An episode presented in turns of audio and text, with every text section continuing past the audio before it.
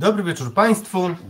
To jest bez wyjścia, a dzisiaj e, samotnie prowadzący Radosław Gruca na gościnnych występach na mm, bardzo gościnnym Podkarpaciu. Mm, ciągle pracuję. Serdecznie Was wszystkich stąd, z tego miejsca pozdrawiam, ale ciągle e, bez e, specjalnej szydery powiem, że pilnujemy Polski w Unii Europejskiej. Trochę parafrazując program z udziałem Antoniego Macierewicza.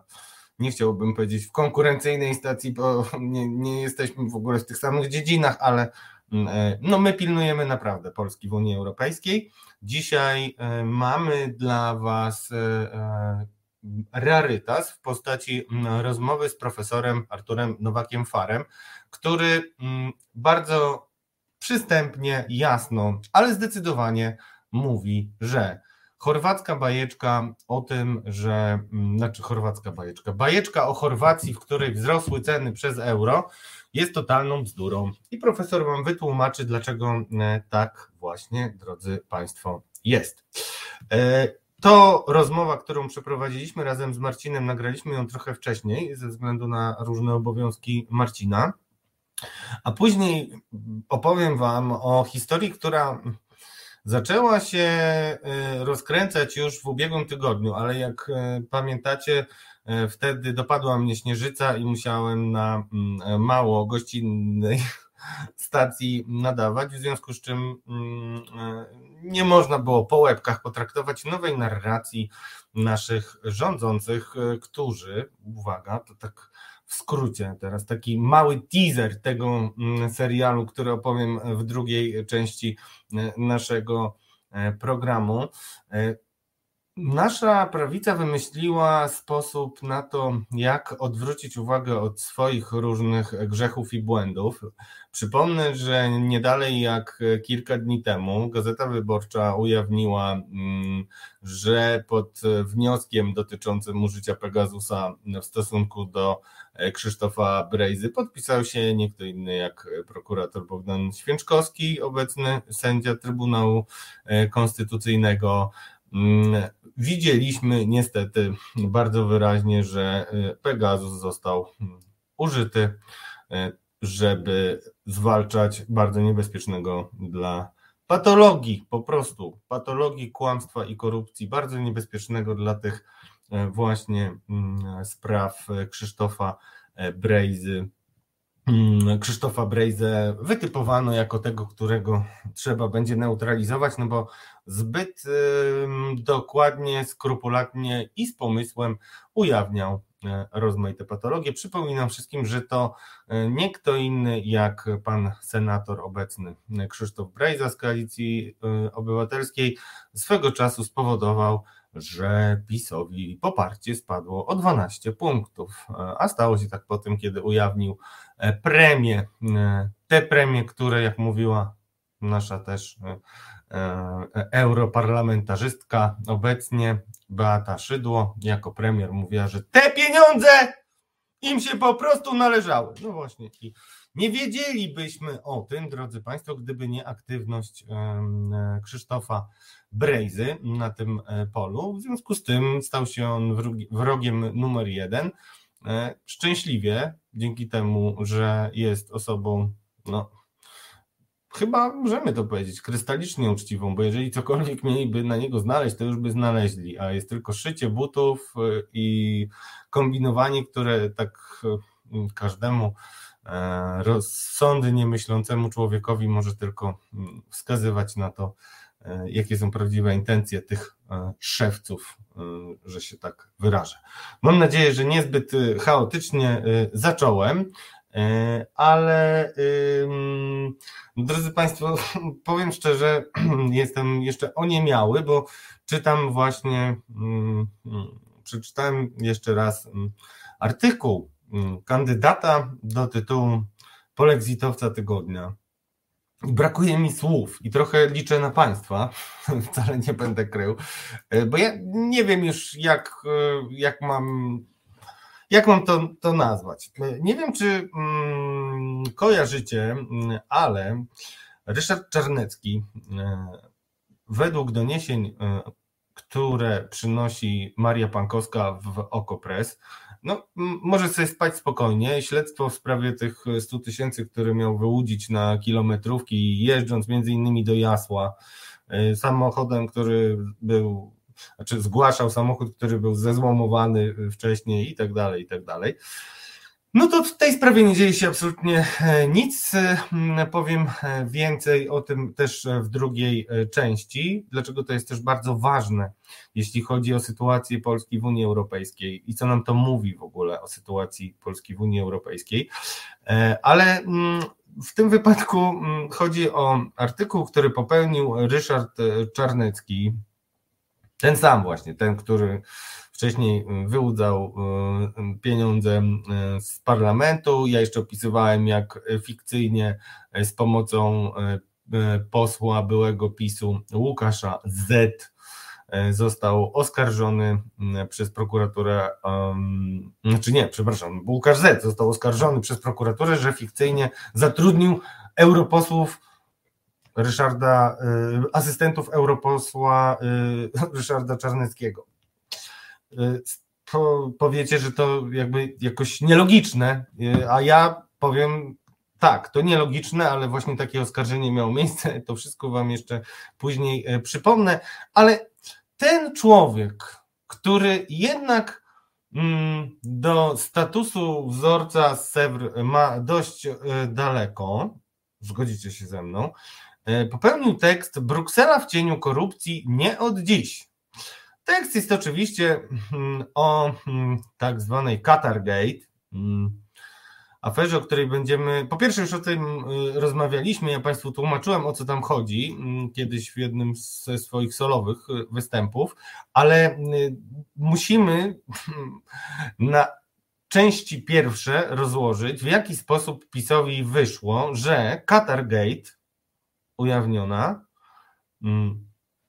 pokazuje, że uwaga, cała afera Pegasusa i y, zarzuty w stosunku do polskiego y, wymiaru sprawiedliwości, arebur w zasadzie trzeba powiedzieć, czyli niesprawiedliwości, czyli y, tych zmian, które wprowadził PiS, że wszystko, co wychodziło z Brukseli, głównie z Parlamentu Europejskiego, który jest tutaj Mm, no, awangardą, jeśli chodzi o krytykę, y, to mm, miało służyć temu, uwaga, miało służyć temu, żeby ukryć prawdziwą aferę. A prawdziwą aferą, mm, przynajmniej zdaniem y, pracowników Gazety Polskiej, jest to, że y, Katarczycy i też chyba Marokańczycy, sprawdzę to za chwilę, mieli atakować Emmanuela Macron Pegasusem takimi, mm, takimi przyrządowaniami. I żeby to ukryć, wykreowali problem z praworządnością, który, który tak naprawdę nie istnieje. Jest tylko czepianiem się mm, złych ludzi z Brukseli, dobrych ludzi e, z PiSu głównie. I mm, od mniej więcej 10 dni mamy po prostu festiwal rozmaitych y, rozmaitych wariacji tej nowej e, narracji. No, znaczy, mi się to w głowie nie mieści, drodzy Państwo, tak jak mi w głowie się nie mieści, że Ryszard e, Czarnecki, który e, no, widać wyraźnie, po pierwsze, że jest mm, no, mało wiarygodny, bym powiedział, ale no, no jest takim hipokrytą y, w momencie, kiedy atakuje za e, różne nieprawidłowości Parlament Europejski, że um, uważam, że e, naprawdę zasługuje na tytuł polexitowca tygodnia i tutaj taki fragment od, ode mnie z jego artykułu o tej e, korupcji w Brukseli. Uwaga. Znany jest już i przedstawiany między innymi przez posłów Dominika Tarczyńskiego, Patryka Jakiego i Joachima Brudzińskiego polski wątek tej afery, który wskazuje, że osoby w nią zamieszane były jednocześnie bardzo aktywne na antypolskim froncie w Brukseli, nie tylko głosując przeciwko Polsce i potępiając ją w przemówieniach, ale nawet biorąc udział w różnych demonstracjach, na których przedstawiano nasz kraj jako dyktaturę, choćby kasus już byłej, podała się do dymisji, przewodniczącej prestiżowej podkomisji praw człowieka, socjalistki z Belgii Marii Areny. Skandaliczną sytuacją jest finansowanie przez Unię, ale też przez rządy Niemiec i Francji organizacji byłego socjalistycznego europosła Antonia Panceriego, Fight Impunity. To między innymi za te pieniądze powstawały raporty, w których rządzących z demokratycznego nadania Rzeczpospolitą przedstawiano jako białych suprematystów i pisano o faszyzmie w Polsce. Boże, uchowaj nas od takich obrońców. Mm. To jest mój kandydat numer jeden, drodzy Państwo. Natomiast kandydat numer dwa, no widzę, że mm, walczy jak lew. To mi przypomina, że już wkrótce mm, nadchodzą wybory do Parlamentu Europejskiego, ponieważ wcześniej ten pan był chyba zajęty głównie siedzeniem w jacuzzi. Zgadnijcie o kim, drodzy Państwo, mówię.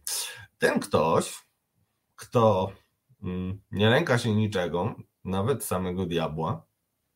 Zgadu, zgadujcie, kto to jest. Oczywiście ten ktoś to Dominik Tarczyński, drodzy Państwo.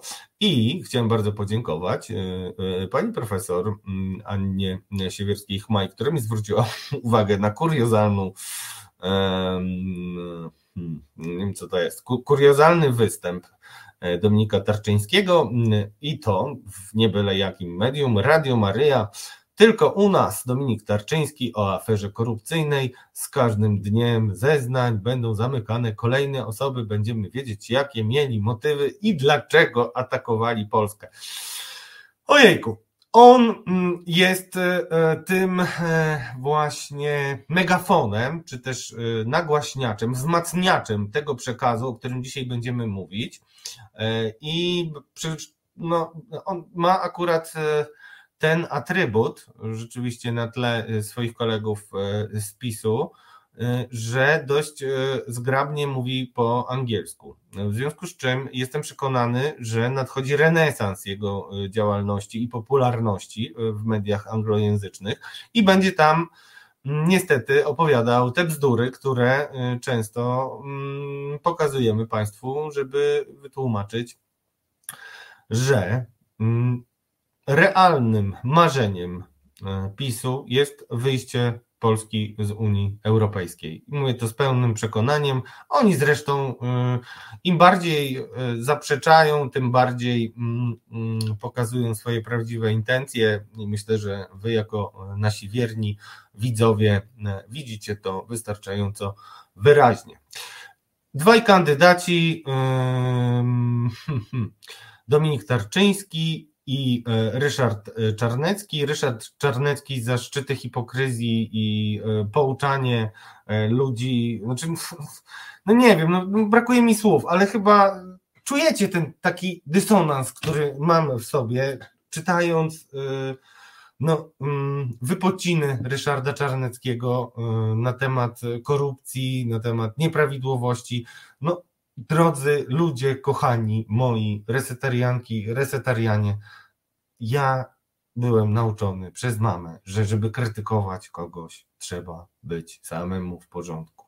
Proste. Tak mnie mama nauczyła. Niewielu rzeczy mnie nauczyła tak jasno y, i wyraźnie jak tej zasady i staram się do niej stosować. E, Dominik Tarczyński kontra mm, jako ten nagłaśniacz y, anglojęzyczny, który y, będzie opowiadał, że, że mm, wszystkie mm, wystąpienia mm, Parlamentu Europejskiego, rezolucje i tak dalej były tak naprawdę mm, wykwitem skorumpowanych socjalistów. To w ogóle rzeczywiście, nie wiem, mają jakieś chody tam czasami na górze, bo faktycznie tych socjalistów, których y, mogą wpisać w swoją narrację o jakiejś tam lewackiej y, ofensywie, no spadli im z nieba ci socjaliści, drodzy Państwo. Moi drodzy, startuje sonda. Y, naszym, y, naszym y, realizatorem dzisiaj jest Marcin. Widzę, aha, sonda już jest, a ja mm, wobec powyższego oddaję Państwu naszą rozmowę pod uwagę i do oceny. Przede wszystkim naszą intencją z Marcinem było tym razem dostarczenie Państwu argumentów na, e, powtarzane kalki rozmaite nieprawdziwych informacji dotyczących euro i Chorwacji. Zapraszam już na tę rozmowę. Dobry wieczór Państwu. Bez wyjścia i e, nasz gość, pan profesor Nowak Farm. Kłaniamy się nisko z Radosławem Grucą, współprowadzącym ten program. Pięknie kłaniam się również. Profesor z Szkoła Główna Handlowa, ale też w przeszłości podsekretarz stanu e, w Ministerstwie Spraw Zagranicznych. No i może mm, dobrze jest y, zacząć od y, wspomnienia tamtych czasów, y, bo już wtedy rozmawialiśmy o tym, że Polska mogłaby wejść do strefy euro. Ta rozmowa trwa no, od momentu tak naprawdę wejścia Polski do Unii, ale zawsze były jakieś problemy z kryteriami, no i też z decyzją polityczną, ale nigdy, przyzna pan chyba, panie profesorze, nie było takiej histerii wokół euro rozpętanej. Ja nie myślę, żeby to była histeria, ale y, w ogóle cieszy mnie to, że zainteresowano opinię publiczną na nowo y, w ogóle kwestią euro, dlatego że zawsze jest tak, że jak cisza zalega wokół e, danej kwestii, no to nie ma w ogóle okazji do tego, żeby rzetelnie obywateli informować o tym, co to jest to euro, co trzeba zrobić, żeby e, do strefy euro przystąpić i e, e, poinformować ich, z czym się to wiąże, jakie są również no, pewne konsekwencje. Panie profesorze, to, to wiemy, bo codziennie dostajemy dawkę tego, z czym to się wiąże, z utratą suwerenności, z bankiem centralnym w Berlinie, co tam jeszcze jest, z drożyzną. Super bohaterem, który nas własną piersią przed tym broni w postaci y, szefa Narodowego Banku tak. Polskiego. Podstaw... Same klęski. I... Podstawowy błąd, który tutaj jest ukryty, i to jest taka zaszyta, a od razu błędne założenie, to jest to, że ten biedny obywatel, jak to wszystko słyszy, to sobie myśli, że właściwie no i już jesteśmy prawie w tej strefie euro, bylibyśmy, tylko tyle, że po prostu no, ktoś nas przed tym chroni. Problem polega na tym, że żeby przystąpić do strefy euro, to trzeba mieć uporządkowany bank centralny, trzeba mieć uporządkowaną sytuację gospodarczą, zwłaszcza w zakresie finansów publicznych i budżetu, a trzeba mieć e, również to, co jest skutkiem tego, czyli niskie stopy procentowe, drodzy obywatele, to dotyczy również płaconych przez Was odsetek, i e, trzeba mieć niską inflację. I tego wszystkiego nie ma. Nasz rząd tego nie dostarczy. Więc mówienie ludziom, że ktoś ich przed tym chroni, czego i tak, i tak nie mógłby dostarczyć, jest właśnie tą zaszytą, taką błędną informacją. Bardzo ważną rzeczą jest stwierdzenie, że to nie wystarczy chcieć, tylko trzeba jeszcze móc.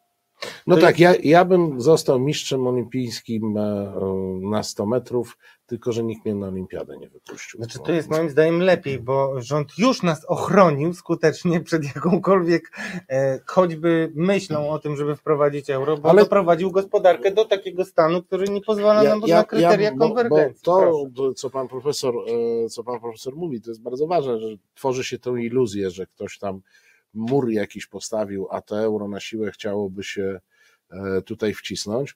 I to jest ta warstwa, która do nas dociera, jedna z warstw, ale ta druga warstwa jest też e, no, taka, powiedziałbym, bardziej przyszłościowa.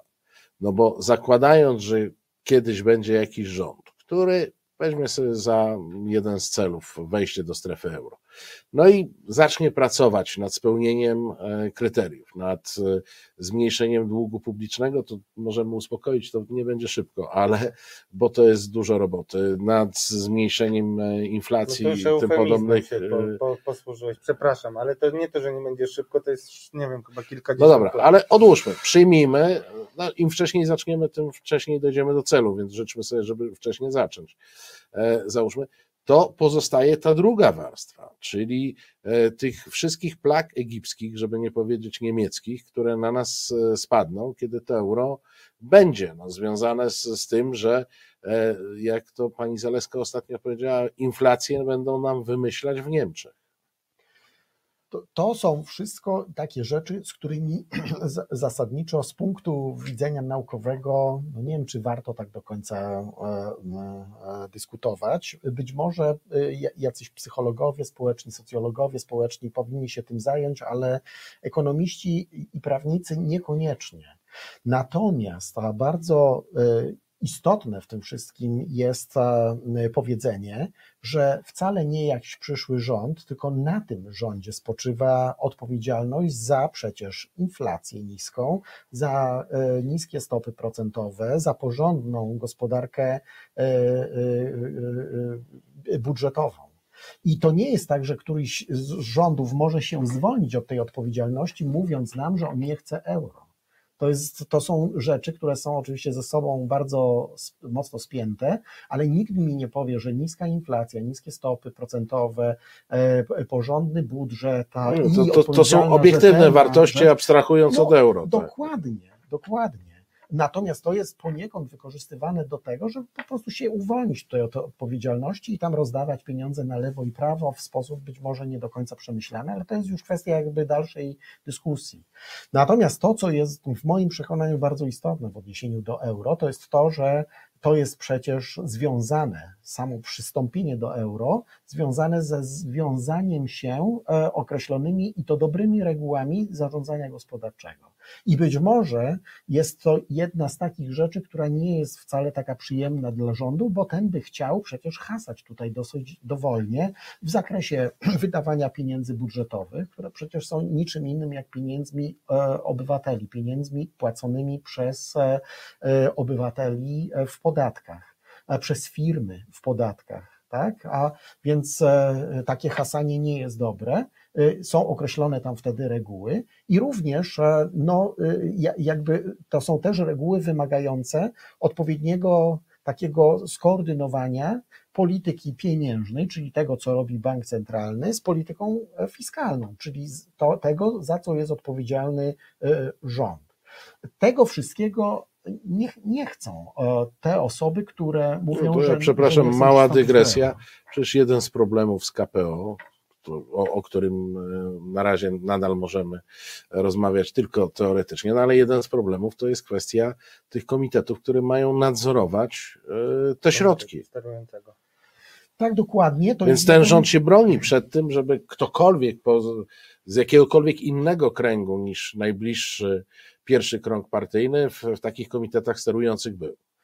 Tak, no z jakiegoś punktu widzenia jest to zrozumiałe, z jakiegoś. Natomiast z punktu widzenia interesu obywatela, to, to nie jest zrozumiałe, dlatego że ostatecznie mandat rządu pochodzi od tego, od tegoż obywatela. A rząd ma rządzić tymi pieniędzmi, które, którymi dysponuje, które wziął od obywateli, a w sposób odpowiedzialny. Euro jest tylko, że tak powiem, takim kamyczkiem albo takim jakby zestawem reguł, które y, zaczynają dodatkowo zabezpieczać obywateli przed właśnie takim jakby rozhasaniem e, każdego jednego rządu, bo to nie o to chodzi, że ten czy tam jakiś następny, to zupełnie nie jest e, o tym. Tylko przyjęcie euro powoduje, że jesteśmy wtedy w określonym jakby takim układzie legislacyjnym. Co więcej, jest jeszcze jedna bardzo poważna, jest jeszcze jedno poważne kłamstwo dotyczące euro i, i to trzeba moim zdaniem bardzo głośno powiedzieć. Mianowicie nam się mówi, że y, jak przyjmiemy euro, to naszą politykę pieniężną będzie prowadził jakiś bank w Niemczech, ten Europejski Bank Centralny w Niemczech. No mój Boże, y, agencja Frontex, Frontex unijna ma siedzibę w Warszawie to wcale nie, oznacza, nie oznacza, że ona prowadzi jakąś y, y, polską politykę zabezpieczenia granic, granic Hiszpanii. W Hiszpanii tak. Ja to się cieszę. E, oczywiście byłoby może to i pożądane, chociaż nie jestem pewien. No, Unia to Unia, to jest wspólne coś e, tworzone przez państwa członkowskie. Siedziba Europejskiego Banku Centralnego została wybrana nieprzypadkowo no, w jednym z większych e, centrów e, e, obsługujących rynki finansowe i to międzynarodowe, światowe, nie, nie tylko europejskie.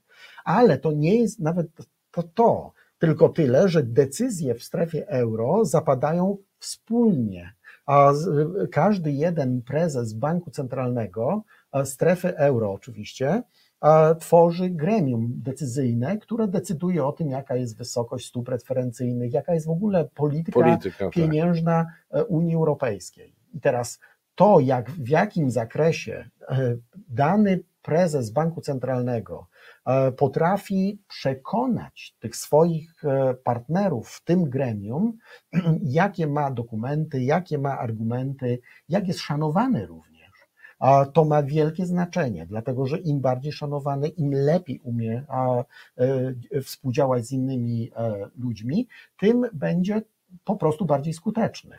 To, co je, mo, można przypuszczać, to jest oczywiście to, że no, w związku y, z takim ułożeniem rzeczy jest sporo ludzi w Polsce, którzy, którzy się po prostu tego boją. Oni wolą tutaj być królem wszystkiego, mówić cokolwiek w zasadzie, tak, a bez względu na, na to, jak się na to patrzy. Natomiast oni, no, można to użyć tutaj metafory, ale jak wchodzą do samolotu, który by leciał gdzieś tam właśnie do Frankfurtu, no to wchodzą tacy duzi, a wychodzą pewnie mali, dlatego że no na tyle oceniają swoje chyba możliwości per, perswazji, ale takie opartej na, na wiedzy, I trzeba, i trzeba przyznać, że w tym przypadku nie mylą się w ocenach. No pewnie nie. To jest kwestia w, w, w jakiejś psychologii podejmowania decyzji o naturze politycznej, bo trzeba też to no. powiedzieć. No ale ważne jest to, żebyśmy mieli takich ludzi w Polsce, którzy będą potrafić zachować tę wielkość swoją w Polsce na użytek międzynarodowy również, żeby się tego nie bali po prostu. I żeby w związku z tym też no, w przedbiegach nie ustępowali pola. Dlatego, że to nieprzyjmowanie euro to przecież jest ustępowanie pola to trzeba też głośno odpowiedzieć, dlatego że e, Unia Europejska składa się z 27 państw. A i teraz a państwa strefy euro, ich jest coraz więcej, to jest 20 państw w tej chwili, to one przecież mają wspólny interes i, i jeszcze pogłębiają te wspólne interesy. No właśnie, bo powiedział Pan o tym wątku politycznym. No, moim zdaniem abstrahując do, od różnych um, głupot na temat gospodarki, które opowiadają w kontekście euro, to myślę, że powód jest jeden. E, wejście do strefy euro wiąże nas jeszcze bardziej z e, Europą e, i czyni ewentualne wyjście, rozluźnienie trudniejsze. No, ciekaw jestem, czy tak łatwo byłoby wyjść Wielkiej Brytanii z, z Unii Europejskiej, Unii Europejskiej gdyby miała euro. euro. A wiadomo, że walczyła o to, żeby nie miała i też wiadomo, że dzisiaj wielu Brytyjczyków tego żałuje, ale to Ale ona miała realny, fundamentalny i ważny interes w tym, żeby nie wchodzić do strefy euro. Dlatego, że funt brytyjski póki co jest walutą międzynarodową. Tak. Londyn jest jednym z najważniejszych centrów e, finansowych e, świata. Więc z tego powodu oni nie powinni e, no, przyjmować euro i rezygnować z tych atutów. Oni mają powody. Polska nie ma powodów. Gdzie jest ten centrum finansowe świata? No w Warszawie no, no, po, i w Kłodzku po, ono nie jest położone. Polska przez lata, bo ja powiem jako starszy pan, walczyła o wymienialność złotówki, a nie o to, żeby złotówka była walutą światową. No, dokładnie i tak trzeba to na, rozumieć. Można powalczyć oczywiście a, e, w, w jakichś biegach dotyczących naszej pozycji, ale to z pewnością nie będzie kwestia walutowa, bo mamy po prostu za małą gospodarkę, jesteśmy takim średnim e, państwem, biorąc pod uwagę skalę globalną. E, I to samo dotyczy, że tak powiem, e, e, rynków finansowych. No jakoś jesteśmy w, tym, w tych międzynarodowych rynkach finansowych, uczestniczymy, ale nie jesteśmy jakimś głównym, wiodącym, ważnym, bardzo centrum, więc my nie musimy przyjmować takiej samej logiki, jaką przyjęli Brytyjczycy. Dakle danas imamo, yy, przepraszam, ja jestem kroatystą, więc chciałem, już myślę po chorwacku, bo czytałem trochę chorwackich mediów i jakoś kompletnie nie przystają do tego, co y, możemy y, przeczytać i usłyszeć od partii rządzącej, jeśli chodzi o Chorwację. To jaka jest prawda, panie profesorze? Bo y, ta właśnie mm, mm, podwyżka cen, o której, która miała miejsce i rzeczywiście tak jak rozmawialiśmy z kilkoma ekspertami, ona była trochę wyższa na początku niż można się było spodziewać, tak przynajmniej było, e, e, a stała się pretekstem do tego, żeby znowu straszyć euro i to, to widać, że też... Nie, mhm. tu, tu musimy sobie powiedzieć e, jednak znowu jakąś prawdę. Co to znaczy ta podwyżka? Tak? No jak się śledzi e, e, inflację w, w Chorwacji, to trzeba by było powiedzieć, że najwyższa stopa inflacji 13,5% to był listopad zeszłego roku. To nie jest stricte związane Moment ze wejścia, tak. Później on spada, spada ta, ta, ta stopa i się, e, no, sami Chorwaci mówią, że stopa inflacji w 2003 roku średnioroczna no nie powinna przekraczać 7%. To są ich własne wyliczenia. I teraz mówienie w związku z tym, że jest jakaś tutaj stricte korelacja z euro, no nie ma, że tak powiem, racji bytu, bo nie ma impulsu inflacyjnego wynikającego z wprowadzenia samego euro. Oczywiście ma pewne znaczenie wprowadzenie euro, no bo y, y, musi być oceniane z punktu widzenia innego, mianowicie e, wzrostu cen e, źródeł energii i wzrostu tych wszystkich impulsów inflacyjnych, które w Polsce też są obecne, bo trzeba by było powiedzieć, że mają e, po części charakter zewnętrzny. No więc dlaczego w Polsce trochę jest tak zwanej put inflacji, o której mówi głowa rządu, a w, a w Chorwacji z jakichś powodów ma tego nie być. Tylko warto zauważyć jedną rzecz, mianowicie, że, że w Chorwacji e, nie jest to w ogóle związane z euro. Euro nie widać. W ogóle?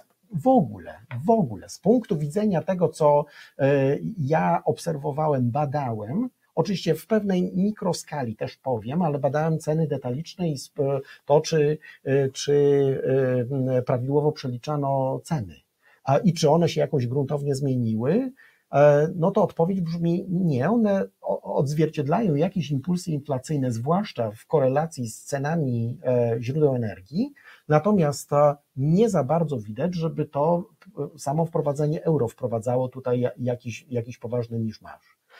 Dosyć solidnie podeszli do sprawy. Było troszkę takiego ponad, bym powiedział, normatywnego i niespodziewanego impulsu wzrostu cen we wszystkich tych miejscach, które nie wymagają, że tak powiem, takiej dużej dyscypliny. Czyli na przykład jak idziemy po kawę, no to ta kawa mogła, jej cena w niektórych miejscach urosnąć ponad miarę, ponad to, czego moglibyśmy się spodziewać, biorąc pod uwagę inflację. Ale uwaga, te ceny zaczęły później spadać, dlatego że e, myślę, że to się wiąże z tym, że niektórzy uważali, że należy tak hasać jak kiedyś e, włoscy baryści. E, czy, czy ci, którzy mieli, mieli bary, no więc wykorzystano tutaj ten impuls. Ale uwaga, kawa w, Chor w Chorwacji jest nadal tańsza niż w Polsce w przeliczeniu na złote, czy jak chcemy w złotych na euro, tak?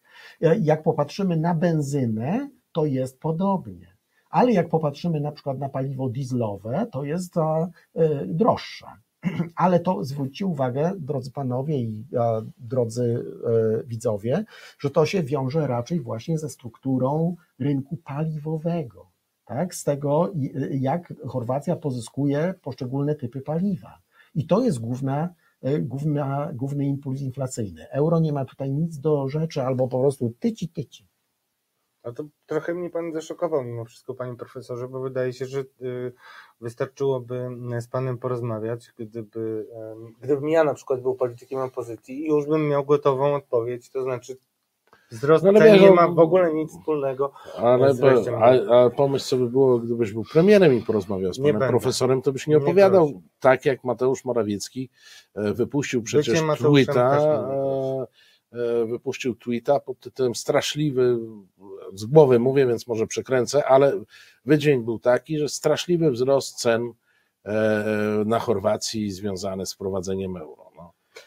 No, to jest jakaś jego własna ocena, ale o, o ile obserwowałem tego reakcję na, ten, na tego tweeta, no to one w, w wielu przypadkach były bardzo rozsądne, bo wskazywano, że y, w Polsce ta inflacja jest dużo większa niż y, w Chorwacji no i jako żywo Polska nie przyjęła euro, więc inflacja rośnie, ale przecież e, i to w większym stopniu niż w, w Chorwacji, a e, trudno przypisać to wprowadzeniu euro. Nie, ja myślę, że to jest efekt tego, że mamy bardzo sprawny rząd. Inne rządy potrzebują euro, żeby ci, wprowadzić drożyznę, a, a, oni potrafili bez euro wprowadzić no, drożyznę. To jest no. ocena pana redaktora, ale, ale kwestia jest taka, że jeszcze jest jeden przypadek, gdzie inflacja to już w ogóle jest jest straszne, bo to są Węgry, gdzie ten rząd, e, no jednak putinowski, czy putinowców, e, on e, doprowadził do takiej sytuacji, że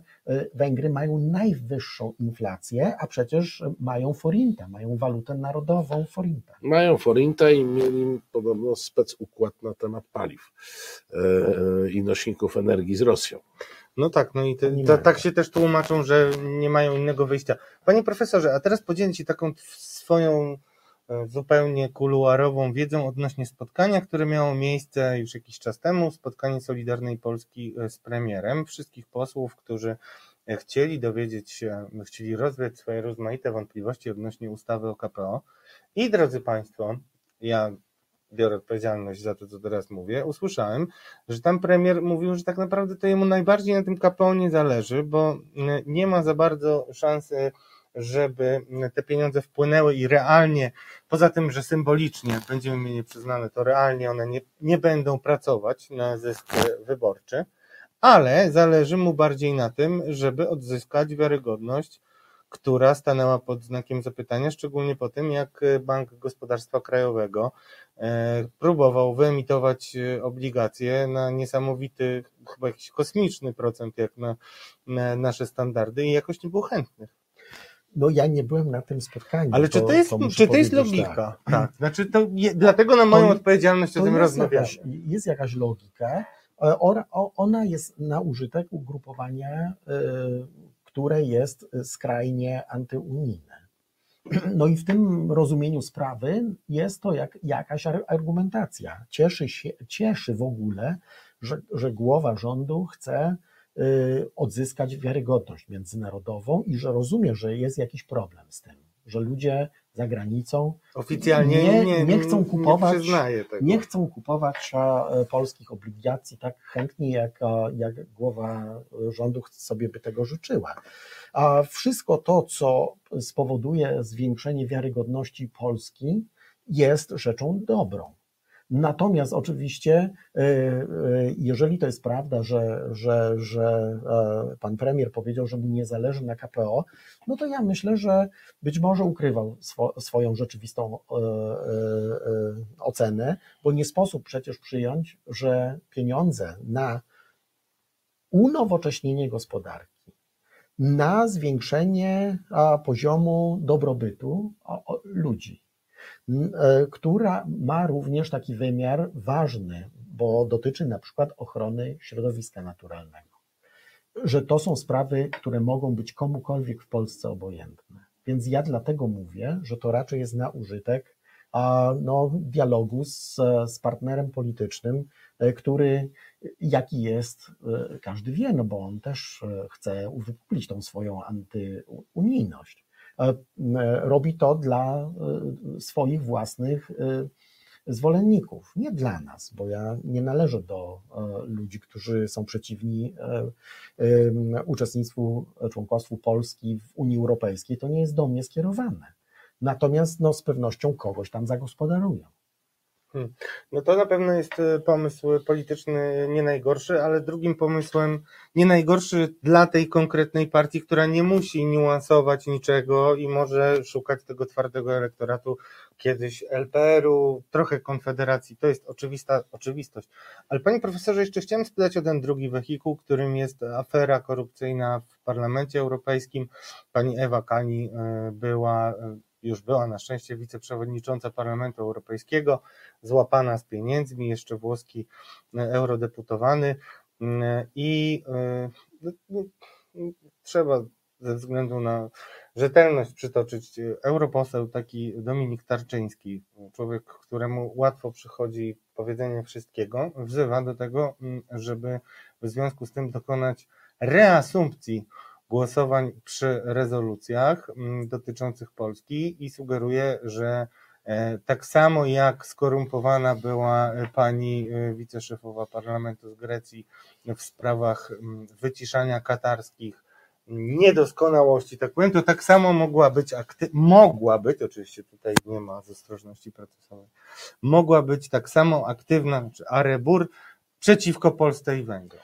No to są takie jego insynuacje. E, Nie, w ogóle nie mechanizm- chciałem, żeby pan się tym zajmował, wie- tylko czy to wiemy- politycznie może e, rzeczywiście zagrać i czy to że jest taki skandal, e, który jakkolwiek e, powinien być stawiany, powinien być jakimś argumentem w ogóle w dyskusji o tym, że rzekomo zagrożona jest polska suwerenność. Nie, tak z tym to nie należy tego wiązać. To jest w ogóle niezwiązane z tym, bo to jest zarzut dotyczy korupcji w, w zamian za jakiś lobbying na rzecz Kataru. W bardzo konkretnej sprawie określonej. Bardzo konkretnej sprawie. Tutaj pieniędzy jakichś innych nie ma i, i tak naprawdę Parlamentowi Europejskiemu dawał wielokrotnie dowód na to, że zależy bardzo na tym, żeby w Polsce po prostu było dobrze, żeby była praworządność, żeby obywatele nie bali się konfliktów e, jakichś prawnych z wysoko postawionymi e, e, działaczami partii politycznej jakiejś albo z, ich, z członkami ich rodzin, bo tutaj to jest zagrożenie.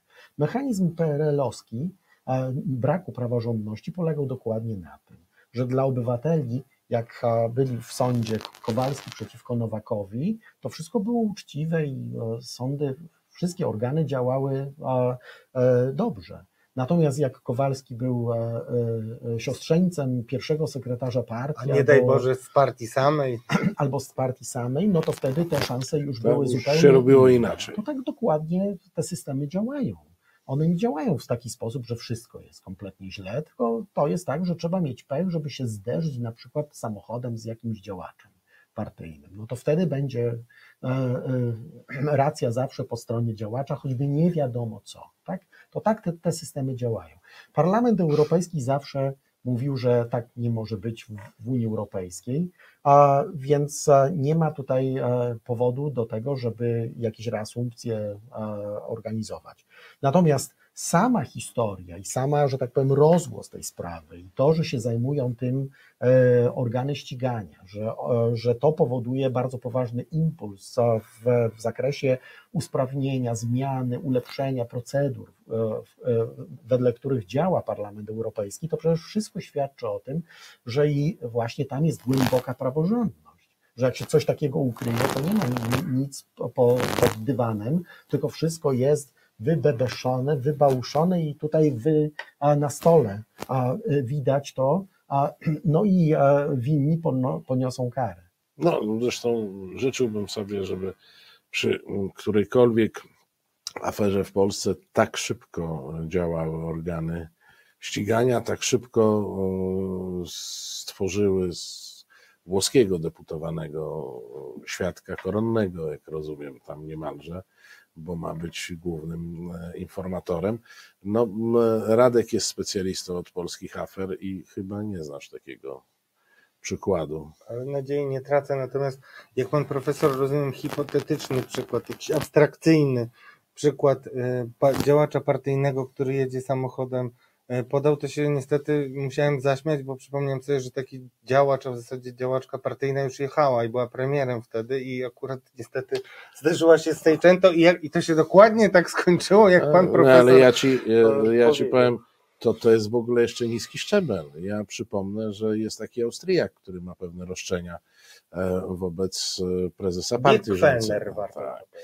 I to jest I to jest ten przykład, w którym on w, sam się zorientował, że w naszym systemie prawnym sporu z Kaczyńskim prowadzić nie należy. Jedna ostatnia kwestia, którą sam mm, pan sprowokował, mówiąc o PRL-owskim wymiarze sprawiedliwości.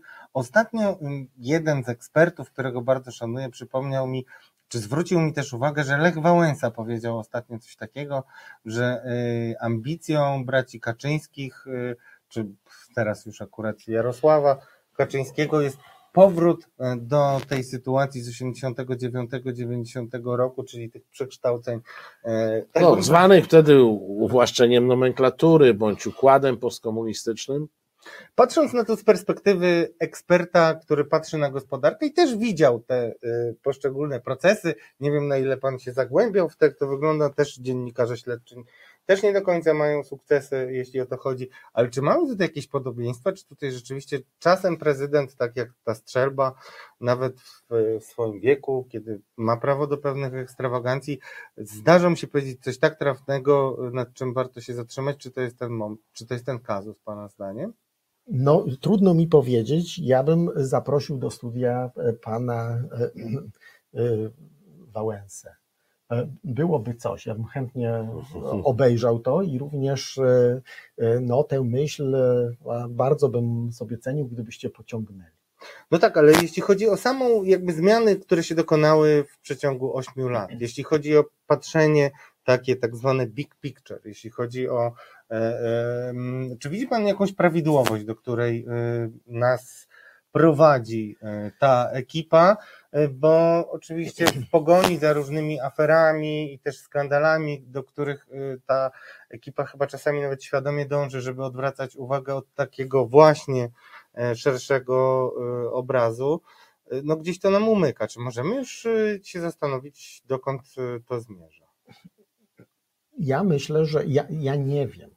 Natomiast jestem przekonany o tym, że gospodarka budżetowa, jak mówimy już o strukturze budżetu, jest w rozsypce. To trzeba powiedzieć jasno. Z tego powodu, że budżet państwa przestał być realnym narzędziem, a w wedle którego się zarządza państwem. Niewielką również, częścią finansów zarządzamy. Tak, a po drugie, y, którą można kontrolować, że jest wyraźnie zapisany w prawie mechanizm kontroli, taki, który jest, że tak powiem, kontrolą na bieżąco. To jest kontrola parlamentu. To nie. A znaczna część, szacuje się nawet, że to jest 40% budżetu, jest poza po prostu tą kontrolą. Więc poza kontrolą może się oczywiście dziać wszystko. I zawsze jest pytanie, e, oczywiście cui bono, dla, kto z tego ma jakiś interes, że tak do, dokonano takich przesunięć. Ja jestem przekonany, że organy kontrolne, te obecnie, w przyszłości, one się będą musiały temu bardzo mocno przyjrzeć. Dlatego, że tam mogą być właśnie jakieś mechanizmy e, korupcyjne, a y, być może celowo zorganizowane, Panie profesorze, wykorzystywane. Ale jak pan pozwoli, ja to wejdę w te tory, może trochę, trochę pogłębię, bo mówimy też o zjawiskach społecznych, których efekty e, obserwujemy na zewnątrz. Nie tylko o tych mechanizmach gdzieś tam głęboko zakopanych, do, do których należałoby się dokopać, żeby je odszyfrować. E, I ta analogia, do której ja do, pozwolisz doprecyzuję, do, do której Radek się e, odwoływał, to jest tak, jak pan pamięta, na przełomie lat 80. i 90.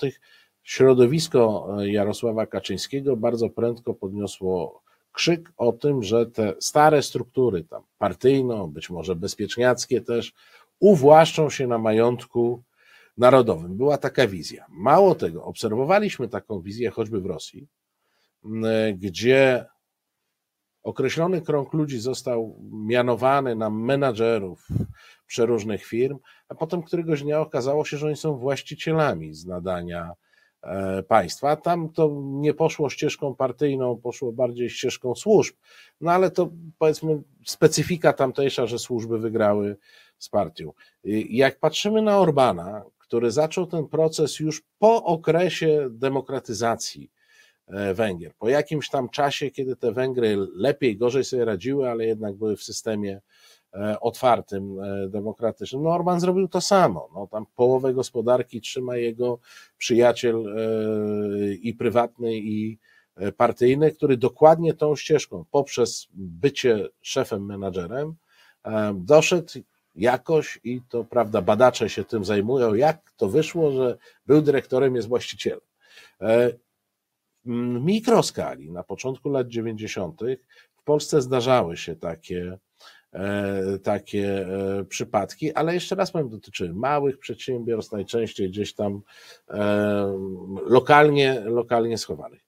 I teraz mamy sytuację, w której po raz pierwszy od lat 80. partia zawłaszczyła wszystko. Cały ten segment gospodarki, który był w, czy kapitałowo, czy realnie E, kontrolowany przez państwo, jest w tej chwili upartyjniony. To znaczy nie znajdziemy takiej spółeczki, na którą państwo ma wpływ, gdzie by jakiś partyjny, większy, mniejszy kacyk, e, e, żeby go nie było, to są jeszcze klany. Czy my nie mamy takiego niebezpieczeństwa, przed którym Kaczyński podobno nas ostrzegał na początku lat 90., że jest pewna nomenklatura? No, pan Obajtek to jest oczywiście E, duży i, i na świeczniku największy. No ale przecież mówimy, nie wiem, o 10, 20, 30 tysiącach ludzi, którzy są w tych przeróżnych spółeczkach, których nas nawet nie znamy, bo nie jesteśmy w stanie tych spółek e, policzyć. Czy nam przypadkiem nie wycieka w tym momencie, e, te srebra rodowe nam nie wyciekają w ręce partyjne? No to wymaga jakiegoś głębszego, głębszej analizy. Natomiast jako takie zagrożenie istnieje. Bo to, co, e, co partia realizuje, to się wewnątrz dokumentów partyjnych, takich bym powiedział no, głębszych, to się nazywa kratokracją. Ona zmierza do tego, ta kratokracja, żeby e, w jak największym stopniu uzyskać e, wpływ albo wręcz własność aktywów państwa, po to, żeby ewentualna porażka wyborcza nie spowodowała po prostu takiego, bym powiedział, uszczerbku tak. dla siły apolitycznej. Ale jak mówimy o sile politycznej w tym kontekście, no to pewnym zagrożeniem, którego to nie jest tak, że ja mówię tutaj z pewnością, ale ja zwracam na to uwagę w, w pewnych ważnych dokumentach, takich, które, e, no, które pisałem z punktu widzenia naukowego. No to, I to da, bardzo wcześnie, nie wiem, 2016-15 rok, a mówiłem, że to może jest zagrożenie, że to może doprowadzić do wytworzenia się w Polsce oligarchii typu wschodniego, właśnie takiego jak, na, jak w Rosji e, e, jest. A, czy to się ziści, to ja nie wiem. E, wiem, że jest takie zagrożenie, że nie ma mechanizmów, które by temu dawały tamę bo cały czas my żyjemy w takim przekonaniu, że u nas się nie wytworzyła oligarchia, to bardzo dobrze, mimo że ta nomenklatura w latach 80. się ubłaszczyła, tam na przełomie lat 80., 90. No to jest prawda, nie, nie było i nie ma chyba, e, chyba oligarchii, ale przecież to nie jest powiedziane, że jej nie będzie. No nie ma, nie ma gwarancji na nic i w dodatku nie ma systemowych e, tutaj jakichś barier, bo one zostały no, mocno rozmontowane albo osłabione, które by zapobiegały tego rodzaju zjawiskom zjawiskom. Musimy się bardzo pilnować w tym zakresie. To jeszcze, no na szczęście nie mamy chyba dzisiaj takiego potencjału, jak kiedyś na przykład mieliśmy, jeśli chodzi o aferę FOS która też e, do dzisiaj nie była rozstrzygnięta w żaden sposób tak naprawdę. Roz...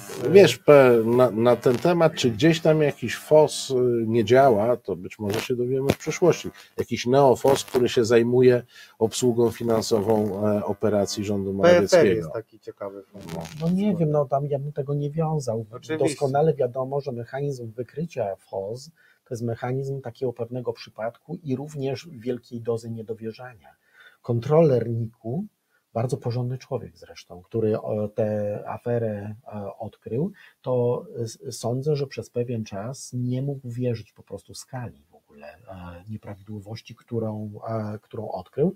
I to jest ta, jak to się czasami mówi, matka wszystkich afer, dlatego że ona również pokazała, jak bardzo wtedy przeżarte państwo było E, niedowładem, korupcją, e, indolencją, jakie słabe.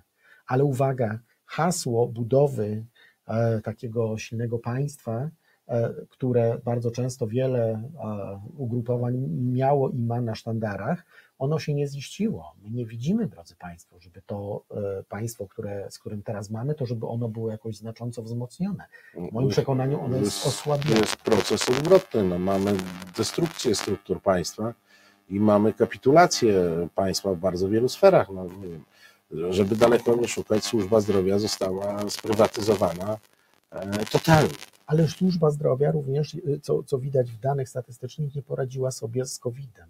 A nad, ponadwymiarowe zgony w Polsce są najwyższe w całej Unii Europejskiej. Ale no, nie służba zdrowia, służba, rząd, rząd sobie nie poradził, bo, bo rząd w momencie, kiedy służbę zdrowia należało wzmacniać, to ją osłabia. No nie wiem, ale wiem jaki jest skutek, a e, po owocach ich poznać.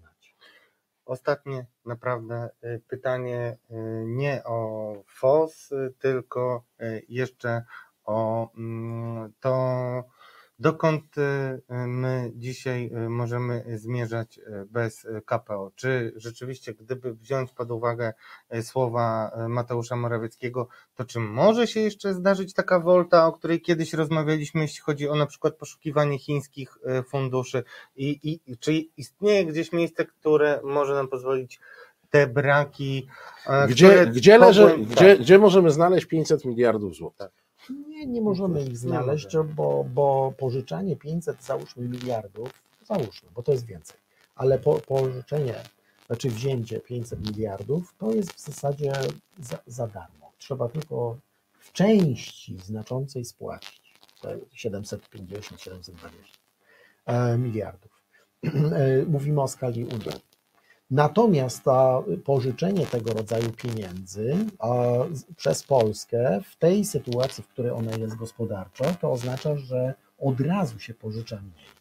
Dlatego, że odsetki są bardzo poważnym obciążeniem i one e, raczej, jak widać, będą chyba rosły. No i rosną. Czyli i rosną, rosną, tak, bo wiarygodność Polski tutaj jest e, bardzo ważna i ona nie jest oceniana, ta gospodarcza, bardzo wysoko, mimo jednak e, w części zachęcających danych statystycznych, bo produkcja przemysłowa nie jest taka już zła, aktywność gospodarcza nie jest najgorsza. No, ale tylko, inwestycje tylko tyle, zagraniczne to jest tylko tyle, że właśnie no, e, jest wiele, e, wiele niewiadomych przed nami i również e, raczej ocean nie jest spokojny, tylko wzburzony, a ta nasza łajba wymaga pilnego remontu.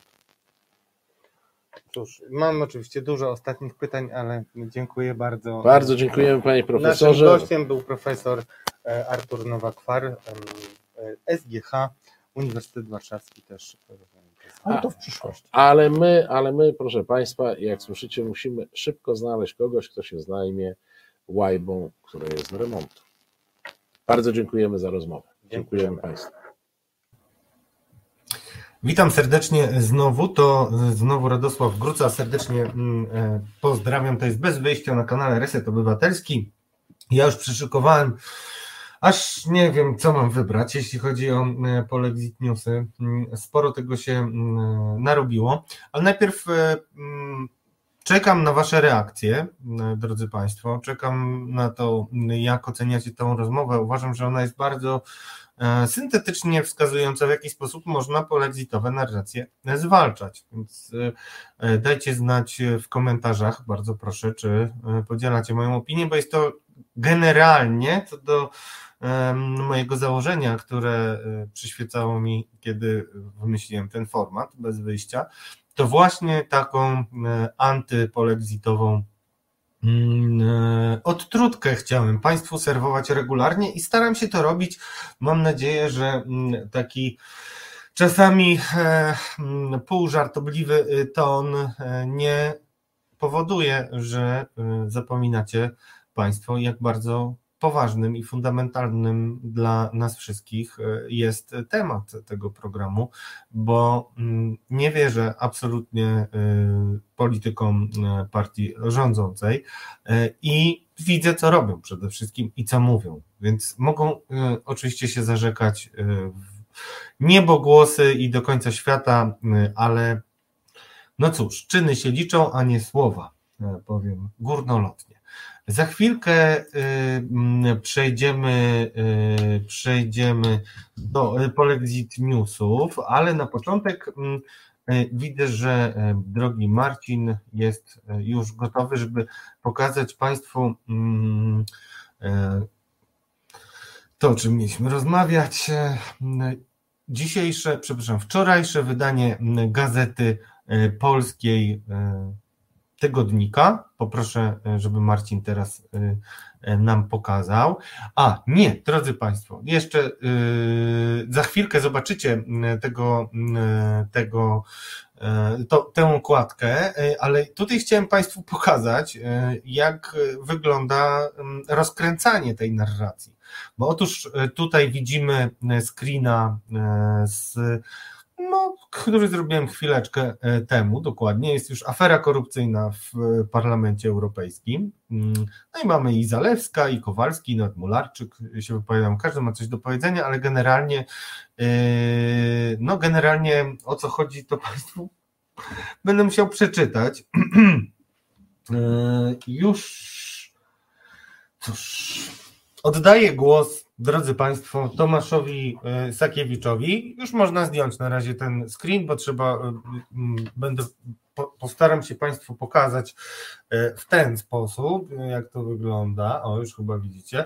Rosja kupiła sobie sankcje na Polskę. O, tak to wygląda, drodzy Państwo. Dlaczego tak mówi i twierdzi Tomasz Sakiewicz? Tomasz Sakiewicz pisze tak. Skandal korupcyjny w Unii Europejskiej rozszerza się w niebywałym tempie. Aresztowana wiceprzewodnicząca Parlamentu Europejskiego, aresztowani europosłowie, w tym niektórzy odpowiedzialni za badanie sprawy Pegasusa. Afera korupcyjna powoli zmienia się w szpiegowską. Zamieszanych jest przynajmniej 60 europosłów, ale mówi się nawet o 200. Tutaj taka e, mała gwiazdeczka o tych 60 i 200 też porozmawiamy za chwilę, bo pokażę Wam, jak polexitowe media są czujne tam, gdzie nie trzeba i nieczujne tam, gdzie trzeba. Idziemy dalej. Tomasz Sakiewicz. Odpryski skandalu dotykają samej przewodniczącej Europarlamentu, która przyjmowała niezwykle hojne prezenty, łamiąc ustalone przy tym i tak bardzo liberalne zasady. Zamieszanych jest w niego wiele krajów, na razie oficjalnie Katar i Maroko, ale mówi się coraz głośniej o Rosji. No dzięki Bogu, wreszcie, panie Tomaszu. I pan Tomasz pisze dalej. Ślady korupcyjne biegną do polskiego Senatu. Niekorupcyjne te. Jezus Maria. Okej, okay, czytam wam, a potem będę komentował. Ślady korupcyjne biegną do polskiego. Ślady biegną? Ślady korupcyjne biegną do polskiego Senatu. W kuluarach padają nazwiska również polskich europosłów związanych z opozycją. To jest właśnie ta gwiazdka. Policje kilku krajów ustaliły, że na łapówki wydano 60 milionów euro. Pff, pff, pff, też 60 milionów euro, wielkie kwoty. Słuchajcie, ile można było przytulić na Orlenie, to 20 milionów e, e, dostał e, pan mm, jeden mecenas przy okazji fuzji. I to legalnie. Legalnie. Dlaczego o tym mówię? Bo wszystko się we mnie gotuje. Dokończę i skomentuję wtedy. Poszukiwane jest 300 milionów dolarów wydane przez Rosję na kupowanie urzędników i polityków w Unii Europejskiej. Mhm. Widać ogromną zbieżność działań skorumpowanych posłów i ataków na Polskę. Pytanie tylko, czy rząd Maroka albo Kataru angażowałby miliony euro, żeby organizować nagonkę na nasz kraj? To do Was pytanie. Chyba nikt to nie wierzy. Naprawdę? Jest jednak rząd, który miał w tym głęboki interes rosyjski. Osłabienie Polski oznaczało uderzenie w pomoc dla Ukrainy. Za zmiana rządu na proniemiecki sprawiłaby, że nowy rząd będzie pomagał Ukrainie tak jak Niemcy, albo gorzej, bo nacisk na Berlin osłabnie. Czy łapówkarze, którzy lansowali interesy reżimów dalekich w swoich standardach od frazesów głoszonych w Unii tak bardzo angażowaliby się w poszukiwanie praworządności w Polsce tylko z poczucia misji? No, jak myślicie, drodzy Państwo? To już nie Tomasz Sakiewicz mówi. No, zastanówcie się, poczucie misji, kurde, no, faktycznie, jak się pracuje mm, w tygodniku, który no, dość swobodnie prawdę zamieszcza, no, w zasadzie dużo nieprawd, też swobodnie zamieszcza y, i dostaje się za to olbrzymią kasę, bo y, szkoda, że nie ma y, mm, redaktorów naczelnych oświadczeń majątkowych. Mogliby Państwo zobaczyć, jakim się rozpączkowały domy podczas dobrej zmiany. Ja oczywiście nikomu nie, nie zazdroszczę żadnych pieniędzy, tylko takie pieniądze płacimy nie za dziennikarstwo, tylko płacimy za propagandę. Skończyłem, to mówiłem ja. I teraz wielki finał Tomasza Sakiewicza. Uwaga.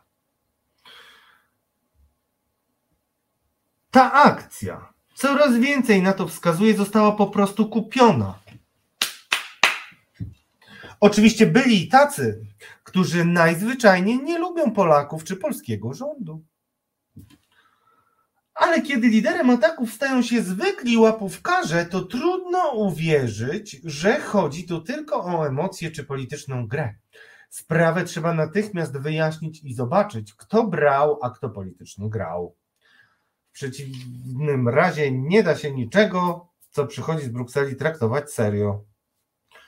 To znaczy należy traktować bardzo serio, ale nie jako realizację polityki w ramach traktatów, lecz jako brutalny atak Moskwy rękami łapówkarzy.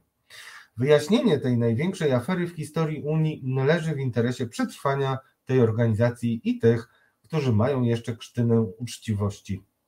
Nie wiem, ilu ich tam jest, ale jako wieczny optymista zakładam, że tacy są. No, ludzie, no, bratnia dusza, po prostu bratnia dusza ten Tomasz Sakiewicz. Panie redaktorze Tomaszu, mm, no cóż, pokazałem wam, to jest wstępniak z Gazety Polskiej, wstępniak, który się pokazał wczoraj, a ja go czytam y, w internecie, drodzy Państwo.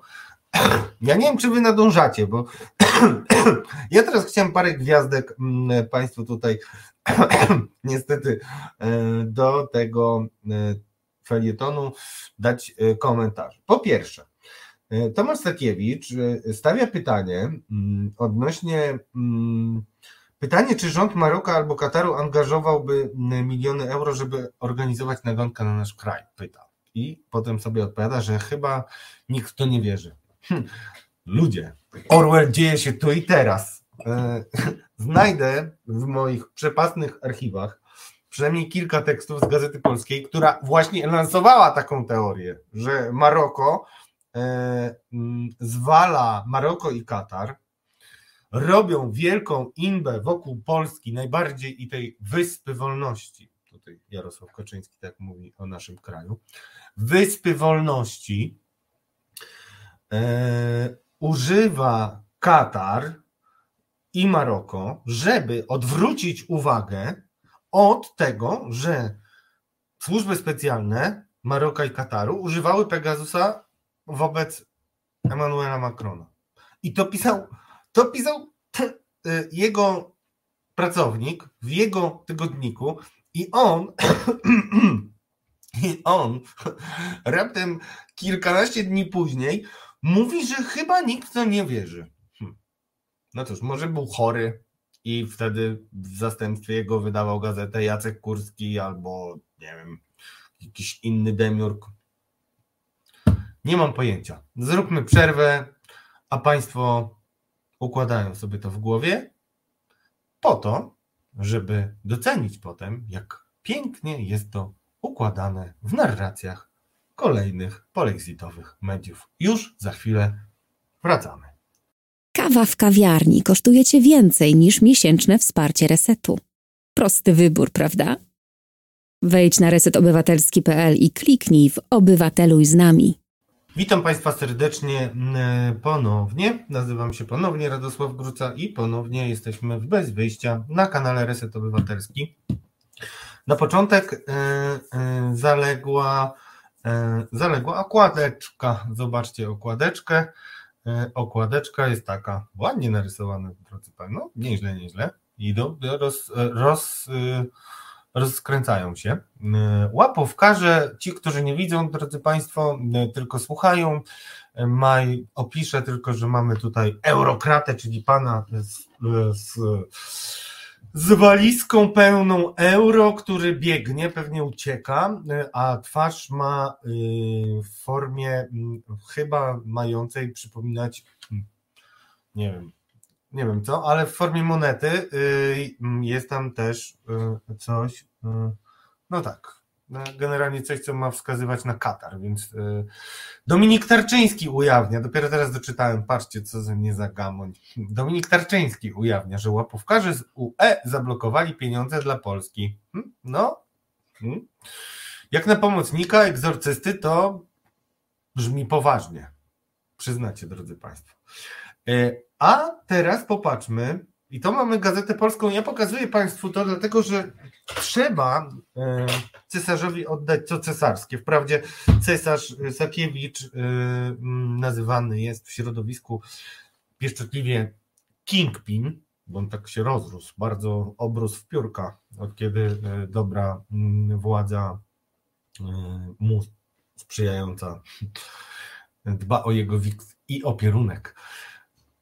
Tomasz Sakiewicz, y, jako ten, który wytycza hmm, narrację, no, powinien być wskazany, bo oni to rozpoczęli. Wtedy jeszcze im nie przeszkadzało to, że to wydaje się być mało logiczne, że Katar, Katar i Maroko chcą koniecznie Polsce zaszkodzić. Ja, ja tylko jednym zdaniem chcę wskazać Państwu, że ten tekst to jest tak parafrazując Karolinę Korwin-Piotrowską, która kiedyś, a to jest dokładnie ten tekst, naprawdę zeskanujcie sobie ten moment, mamy e, już godzinę 14, więc e, warto sobie przeczytać to, zatrzymać, zrobić print screen i pokazać, nosić przyda się, żeby wytłumaczyć jedną rzecz, mianowicie, drodzy Państwo, mamy tak, Rosja pada kilka razy w tym tekście, to słowo, tak, raz, dwa, trzy,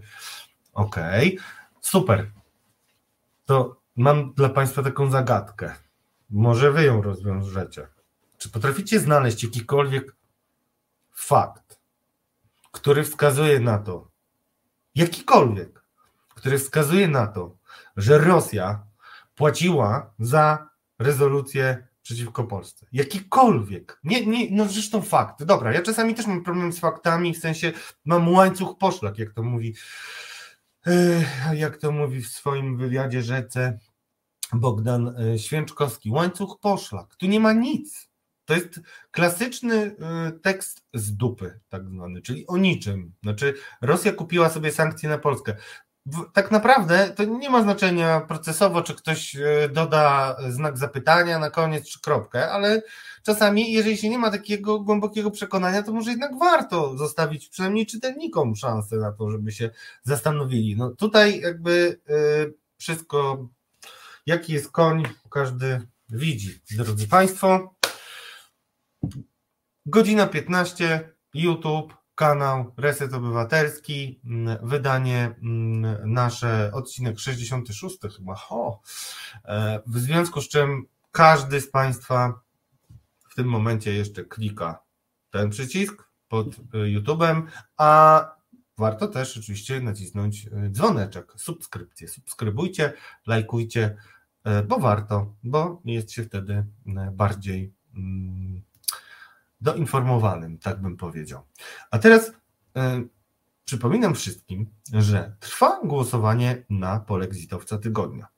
Jak wiecie, mm, Dominik Tarczyński już miał szansę zostać polexitowcem tygodnia po tym, jak e, twórczo rozwinął myśli z polskiego antyparlamentaryzmu, to, bo to nie jest parlamentaryzm, to co mm, uprawia PiS e, w Sejmie, bo to jest, tam, mam, tam nie mamy żadnej debaty, nie, posłowie nie wiedzą nad czym głosują rano, na przykład, bo rano późno wstaje Jarosław, więc dopiero Jarosław Kaczyński, no więc dopiero po południu wiedzą. To są takie rzeczy, które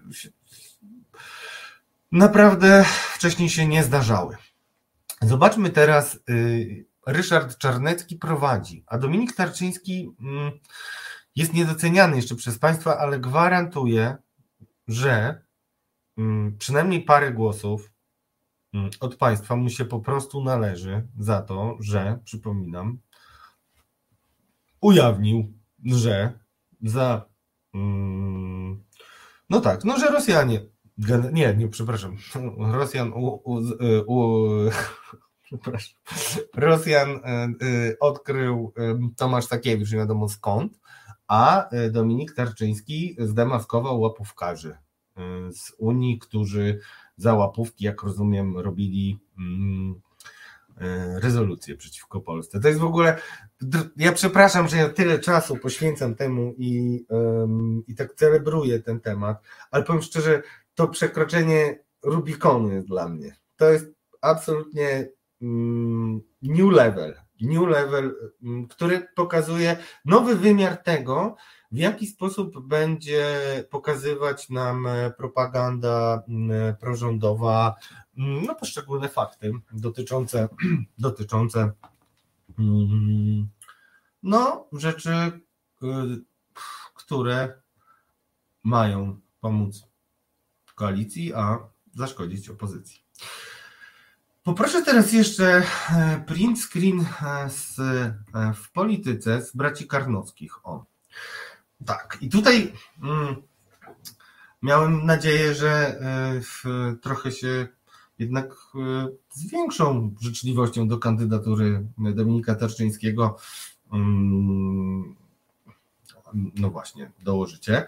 Ale mm, jeśli Was nie przekonałem, to teraz chciałem powiedzieć, że ten pan, który jest na zdjęciu, europoseł, Kosma Złotowski, tak się nazywa.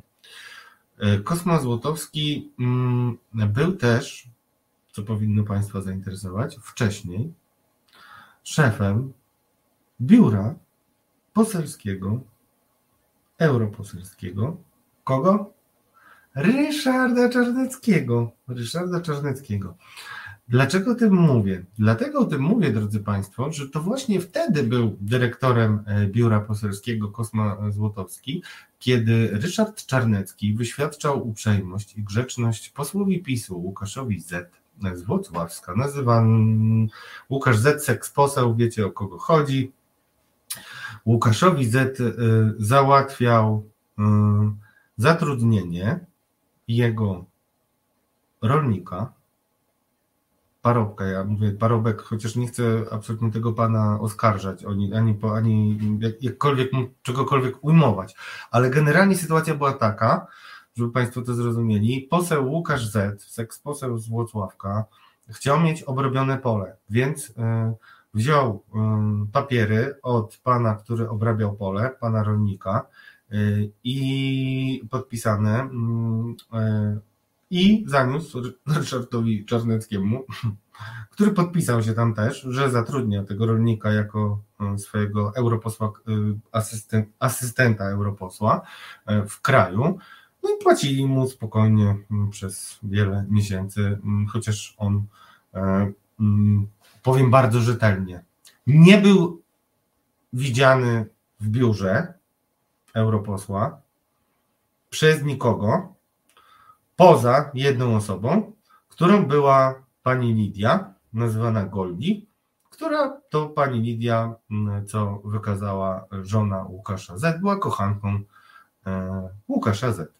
Także taka historia hmm, bardziej chyba z Y, jakichś tasiemców y, serialowych, ale ona miała miejsce mm, i skończyła się niestety tym dziwnym oskarżeniem prokuratury, bo prokuratura oskarżyła Łukasza Z o mm, wyłudzenie pieniędzy z Parlamentu Europejskiego i z Sejmu.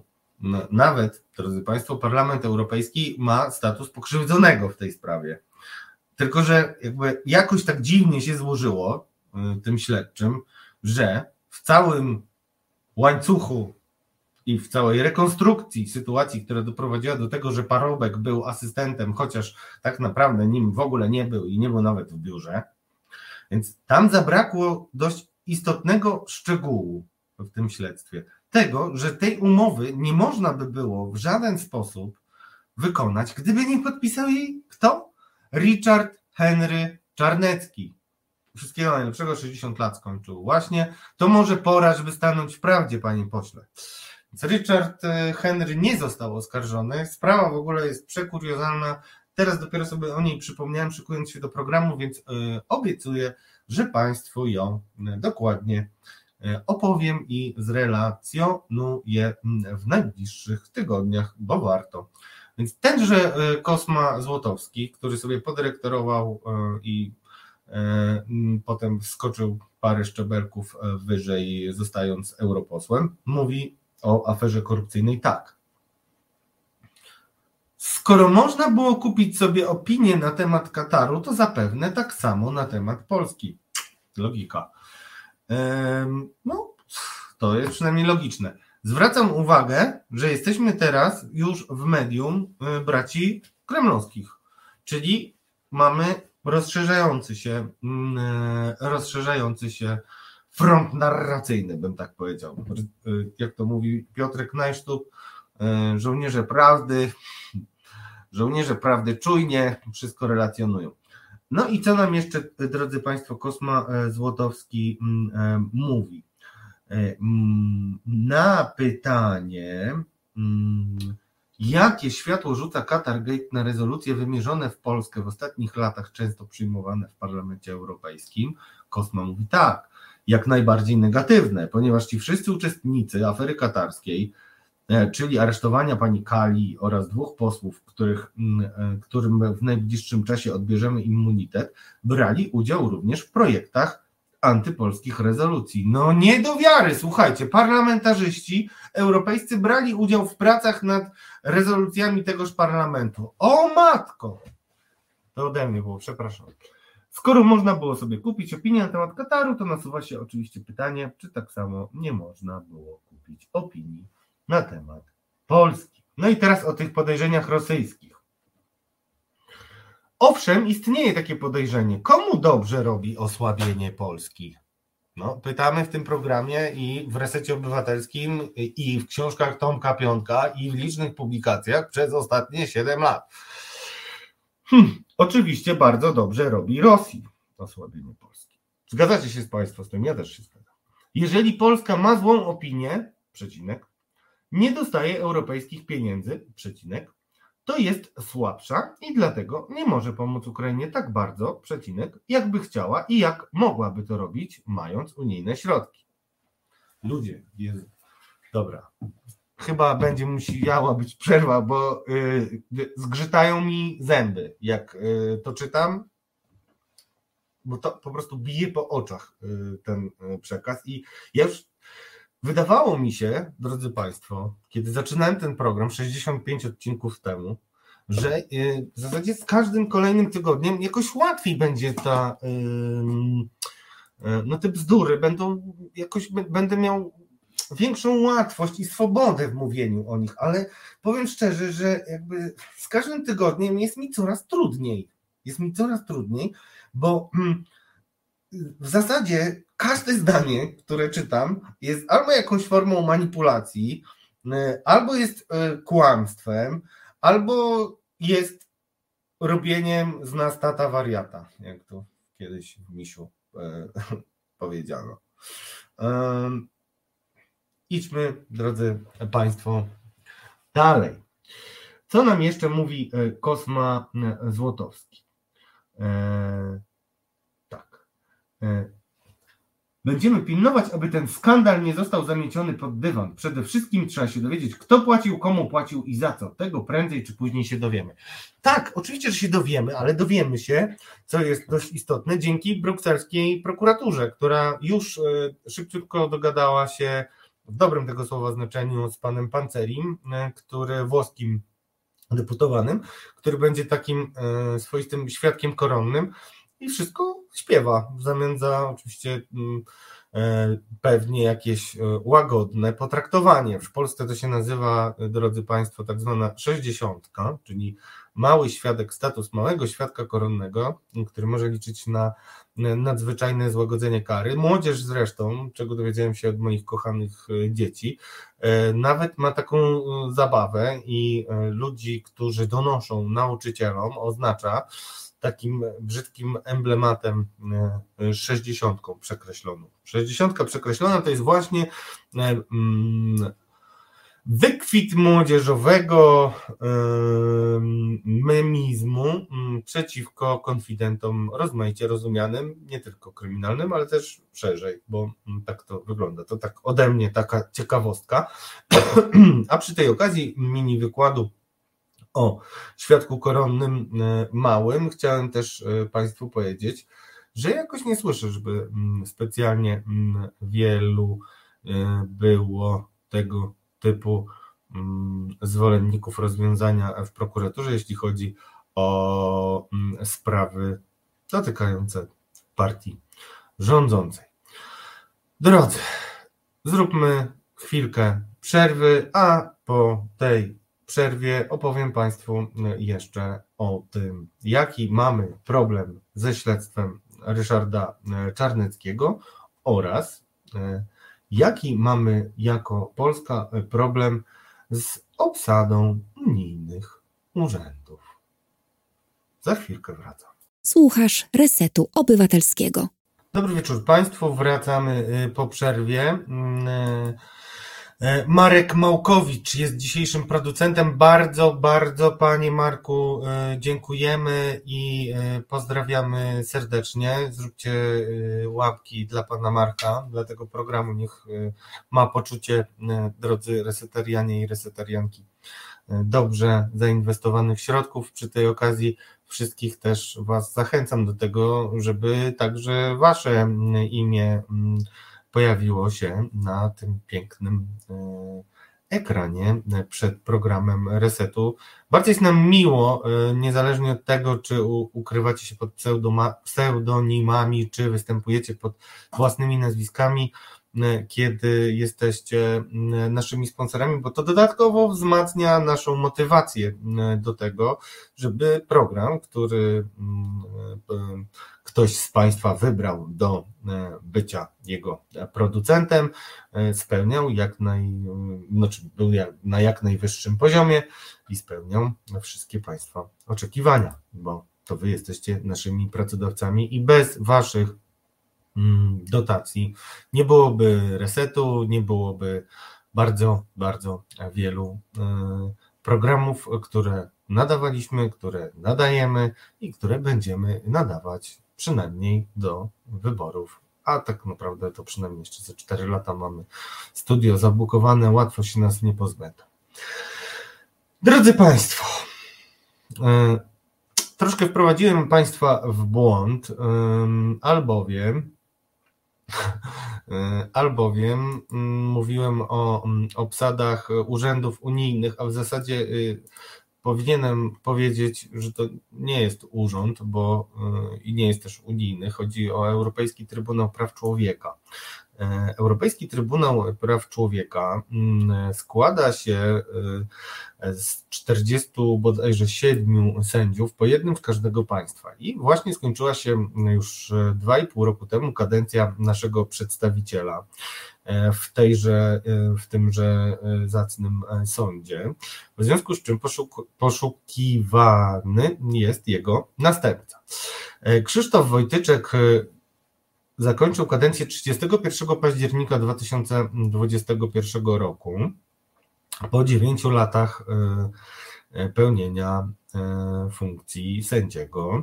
I proces, drodzy Państwo, wyłonienia e, kandydata na jego następcę koordynuje Ministerstwo Spraw Zagranicznych. I tam pojawiały się takie zacne kandydatury. Aha, tylko jeszcze słowo wstępu, bo to też e, staram się Państwu przynosić różne kuluarowe informacje, które otrzymuję. I powiem Państwu, że nigdy jeszcze o tym nie rozmawialiśmy, jeśli chodzi o obsadę ETPC, e, ani o, o, o to, jak podchodzą politycy w Brukseli, parlamentarzyści i członkowie Komisji Europejskiej do tego typu kandydatur, a budzi to bardzo złe reakcje, ponieważ jeżeli mamy wskazanego takiego kandydata, jak na przykład pan e, e, Aleksander Stąpkowski, który y, wiecie, kto to jest? To jest rzecznik y, Sądu Najwyższego, y, tego już odbitego przez PiS, czyli tego, którym rządzi pani Manowska. Ale hmm, wcześniej hmm, dał się poznać z tego, że założył inną organizację, Ordo Juris. Tego kandydata już nie ma, e, bo mamy właśnie trzecie podejście e, do e, próby wyłonienia kandydatów. O, Polska proponuje trzy nazwiska. Kamil Strzępek, Agnieszka Szklanna oraz Elżbieta Karska. Mm, szczególnie jeśli chodzi o Elżbietę Karską, to polecam Państwu program Tomka Piątka który pokazywał e, panią Karską i jej e, poglądy. Zgadnijcie, w którą stronę idące. Żona Karola Karskiego, który wyjątkową ma sympatię, a może coś więcej, dla Łukaszenki i Białorusi. Bardzo polecam ten program, naprawdę. To i bardzo polecam patrzenie na Białoruś, drodzy Państwo, i nasze relacje z tym, że mm, dyktatorsko rządzonym państwem, ponieważ wydaje mi się, że umknęło nam bardzo niebezpieczne związki z reżimem Łukaszenki, a nawet, y, a nawet nie wydaje mi się, tylko mm, wkrótce na pewno się o tym y, dowiemy. Y, dlaczego mm, tych polskich kandydatów nie chce, mm, nie chce Zgromadzenie Parlamentarne Rady Europy przyjąć? No, Kilka było y, powodów. Przede wszystkim oczywiście y, kwestia no, słabej transparentności w doborze tych kandydatów y, padała ze strony ze strony analizujących kandydatury członków urzędników Rady Europy. I jeszcze cały czas Państwu tylko mówię, że, bo to częsty błąd, Rada Europy nie ma i ETPC nie ma nic wspólnego formalnie z Unią Europejską, natomiast jest to coś, co jest wpisane w europejską demokrację i mimo, że nie jest to organ, który jest jakkolwiek koordynowany nawet przez Unię Europejską, no to jak najbardziej jakby podejście do tego, e, kto zasiądzie na dziewięcioletnią kadencję e, w Trybunale jest bardzo istotne. Jest też sygnałem nie tylko no, powiedzmy e, państwa, które wystawia kandydata no, jego dużego doświadczenia na przykład, tylko jest też sygnałem w pewien sposób politycznym. No i trudno nie zauważyć, że e, przynajmniej dwoje z tych e, kandydatów no, było bardzo radykalnie antyeuropejsko e, nastawionych. To jest istotna sytuacja, która po kolejnym odrzuceniu pewnie będzie skutkować tym, że do końca kadencji nie będziemy mieli e, obsadzonego e, naszego sędziego. I to w ogóle też jest e, dramatyczna sytuacja, która powtarza się w wielu miejscach, bo mm, okazuje się, że wcale nie jest tak łatwo PiSowi oddelegować mm, z Polski ludzi, którzy mogliby bez skrępowania e, i bez tworzenia kolejnych problemów funkcjonować, czy to w instytucjach unijnych, czy to w instytucjach e, europejskich, na przykład w e, Radzie Europy. O tym, hmm, o tym myślę, że powinny powstać jakieś prace magisterskie, a może nawet doktoranckie, bo E, jest to tak wyraźne e, i tak często słyszę o tym e, zarówno od europosłów, jak i od urzędników średnich szczebli, asystentów. To są wszystko ludzie, którzy stanowią jakąś moją siatkę informacyjną odnośnie politycznych, rozmaitych rozgrywek i zdarzeń, w związku z czym mam to na bieżąco i naprawdę ta sprawa, o której mało się w Polsce mówi, budzi bardzo duży niesmak i jest też odbierane radykalnie jako gest, kolejny z serii gestów radykalnie antyeuropejskich. Tak należy powiedzieć. E,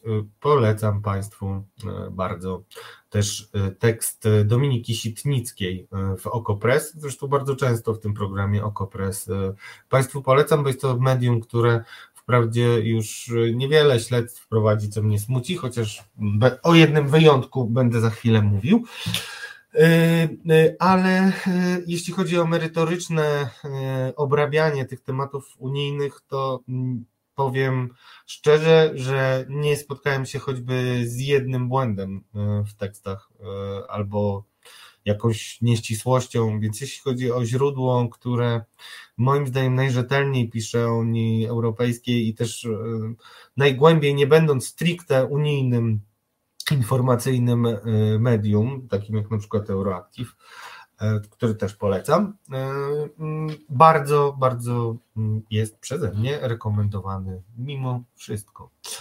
A teraz ten, skoro jesteśmy w Okopresie, to ten wyjątek, drodzy Państwo, który będzie moim zdaniem świetną klamrą w naszym programie. Wyjątek, czyli śledztwo dziennikarskie Marii Pankowskiej, która kiedyś już była naszą gościnią i powiem to na antenie, żeby Maria y, nie mogła zdezerterować, powiedziała, że nas odwiedzi w przyszłym tygodniu i, i porozmawiamy z nią właśnie o tym y, temacie, który opisuje dzisiaj na łamach Okopres śledztwo w sprawie 100 tysięcy euro Czarneckiego w martwym punkcie, a prokurator dostał awans. Mimo, że śledztwo ciągnie się 3,5 roku, prowadzący je dostaje awans, funkcję kierowniczą, Wspaniałe. E, śledczy mm, z OLAF-u, czyli z tego urzędu, który powiem szczerze, jeszcze pozwolę sobie na dygresję, dla mnie jednak e, nie działa najlepiej. Nie, nie, ty, nie tyle na, na poziomie wykrywania pewnych e, mm, praktyk korupcyjnych, no, chociaż warto powiedzieć to, że to przecież nie OLAF rozkręca Qatargate i robi śledztwo, które wskazuje na korupcję e, w parlamencie e, europejskim, tylko brukselska e, prokuratura, ale to, to nawet nie, nie to mam na myśli. Bardzo mnie jako dziennikarza, który wielokrotnie próbował się kontaktować z Olafem, uderza słaba komunikacja tego urzędu. Szczególnie jeśli chodzi o postępowania wewnętrzne, to znaczy te, które dotyczą instytucji unijnych jako takich, nie defraudacji środków unijnych, które też czasami można e, monitorować za pośrednictwem OLAF-a, tylko dokładnie pilnowanie własnego podwórka. I nie będę już y, się bardzo jakoś znęcał e, nad OLAF-em, e, bo jednak no, prokuratura belgijska pokazała, że no, nie dopilnował swojego podwórka OLAF, ale mm, to, co jest nawet ważniejsze dla mnie, to to, że ja mam niestety takie wrażenie, że mm, konkluzje i pewne, bym tak powiedział, soczyste detale dotyczące poszczególnych przekrętów, czy to grup politycznych, czy to mm, konkretnych polityków, jakoś tak wyciekają też e, może nie tak może nachalnie, jak e, widzimy to na co dzień w prorządowej propagandzie, ale jednak e, mam niestety takie wrażenie, ono jest moje osobiste, ale podparte różnymi doświadczeniami, że Olaf rzetelnie bardzo bada y, sprawy. Ja spotkałem się kiedyś z osobą, która mi powiedziała, że kiedy urzędnicy, kontrolerzy Olafa weszli y, do biur poselskich, y, akurat chodziło o polskich europosłów, tam między innymi no, związanych z Konfederacją oczywiście czyli poprzednia kadencja e, Parlamentu e, Europejskiego, to kiedy kontrolerzy Olafa e, wchodzili, to wyglądało to jakby NKWD wchodziło.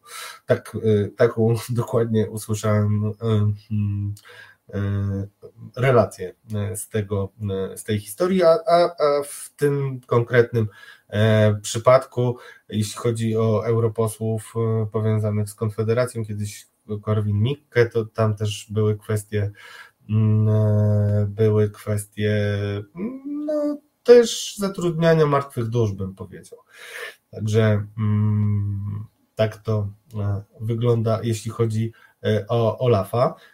I Olaf też ma o tyle trudną sytuację z Polską, że Olaf jako instytucja unijna musi przekazywać swoje raporty do prokuratury, ale prokuratura ma potem jako jako ta, która y, odpowiada w części za wymiar sprawiedliwości w Polsce, no, no ma to badać, ale jeżeli będzie badać 3,5 roku i to jakby w takim mm, no, tempie i z takim zaangażowaniem, no to nic z tego nie będzie wynikać. Potem będziemy mieli obywatela Czarneckiego, który opowiada o tym, jakie były dzieje korupcji w Parlamencie Europejskim i w i w, mm, i w ogóle w Unii Europejskiej.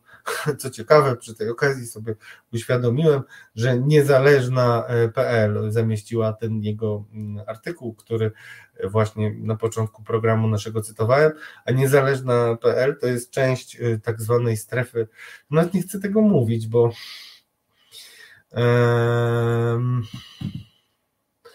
bo mi się to po prostu mm, nie mieści wszystko e, w głowie, ale mm, nazywane to jest strefą wolnego słowa. I w tej strefie wolnego słowa y, y, Czarnecki pisze, że to nie była jednak największa afera korupcyjna y, w Unii Europejskiej. No, przypomina, jaka była większa afera, która kiedyś spowodowała odejścia z samych członków Komisji Europejskiej ale no, on jednak twierdzi inaczej, Sakiewicz twierdzi inaczej, no, może to jest właśnie debata, ale obaj twierdzą jednak, że mamy do czynienia z wyjątkowym e, przykładem antypolskiej e, działalności. W moim przekonaniu, drodzy Państwo, mamy do czynienia z przykładem skutecznej działalności e, prokuratury belgijskiej przede wszystkim. Ale tutaj, jeśli chodzi, przypomnijmy o co chodzi w tej sprawie Czarneckiego, bo ja mówiłem o innej sprawie, która dotyczy obywatela Czarneckiego, pana wzoru Sewr, wszystkich cnót. Ja uważam, że w ogóle nie powinno się zapraszać do żadnych programów. Zresztą też e, cieszę się, że akurat e, Bogdan e, Romanowski w Radio Z zadał mu pytanie odnośnie tych zarzutów do niego. On niestety wygłosił tą samą formułkę. To niczego nie załatwia. Tutaj nawiązuje generalnie do rugowania z życia publicznego osób skompromitowanych. No, Ryszard Czarnecki, były członek ZHN-u, były członek samoobrony, bardzo nie lubi, kiedy mu to przypominam. No, nie ma absolutnie wstydu w niczym, co robi. Coś takiego e, u niego nie funkcjonuje i to w polityce jest pewien atut, tylko że takie osoby koniec końców powinny jednak e, kończyć na marginesie, e, na marginesie polityki, a nie no, być rozgrywającymi, a jednak pełnienie zaszczytnej funkcji mm, europosła to jest tego typu sytuacja e, no, dla mnie niezrozumiała. I e, Ryszard Czarnecki mm, został złapany na tym, że rozliczał mm, przekazane e, na delegację Czarneckiego 100 tysięcy euro Mm, chodziło o podróże służbowe w latach 2009-18 i miał też zawyżać koszty dojazdu do Parlamentu Europejskiego. Przy tej okazji mogę powiedzieć Państwu, że mm, no, warto w ogóle się kilometrówkami w Parlamencie Europejskim e, kiedyś zająć osobno, bo e, to, co polscy europosłowie potrafili wymyśleć, między innymi ci związani kiedyś e, związani obecnie z Konfederacją, to jest no, historia na niezłą komedię przynajmniej, bo y, słyszałem nawet o historii dwóch asystentów zatrudnionych tylko po to, żeby jeździli non-stop. Y, Bruksela, miasto, Bruksela, miasto w Polsce, i jeździli non-stop, dzięki czemu mógł europoseł konkretny rozliczać sobie kilometrówki. I to jest autentyczna historia, niestety. I nie wydaje mi się, że jakoś wykryta przez służby.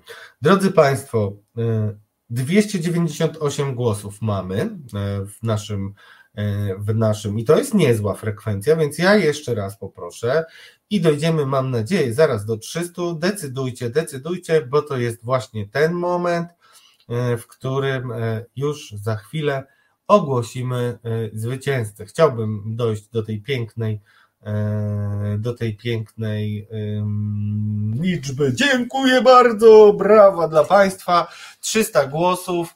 Bardzo dziękuję. A wygrał, a wygrał kto? Zobaczmy. No wygrał, wygrał, wygrał, wygrał, wygrał. Pokaż nam, mój drogi E, nasz drogi 304 głosy, drodzy Państwo. E, za chwilkę E, zobaczymy. Ja z, moje, z, mojego poziomu niestety nie, e, nie widzę na ten moment jeszcze wyników. Za chwilkę nam je zdradzi e, Marcin, który, no cóż, sam to sobie zrobiłem. Ryszard Czarnecki, 58%. Dominik Tarczyński zostawiony w polu. Jednak ten wspaniały pomocnik egzorcysty na pewno wróci w kolejnych odcinkach bez wyjścia, które poprowadzą wasi ulubieni redaktorzy, czyli Marcin Celiński i może ja. Dziękuję bardzo za dzisiaj. E, statuetka, którą już niedługo zobaczycie, mam nadzieję, bo mm, przekaże mi ją nasza bardzo lubiana przez nas komentatorka Beata Grabarczyk, bo już ją ma fizycznie. Chciałem powiedzieć panu Januszowi, który nam przekazał statuetkę, że dotarła cała i zdrowa, w związku z czym, w związku z czym wkrótce będziemy mogli rozstrzygnąć tytuł polexitowca roku i zwieńczyć to jedyną w swoim rodzaju spontaniczną galą wręczenia tejże nagrody laureatowi, czym zajmie się skromny prowadzący Radosław Gruca, który właśnie Państwa żegna. To było bez wyjścia. Dziękuję bardzo. Do zobaczenia za tydzień.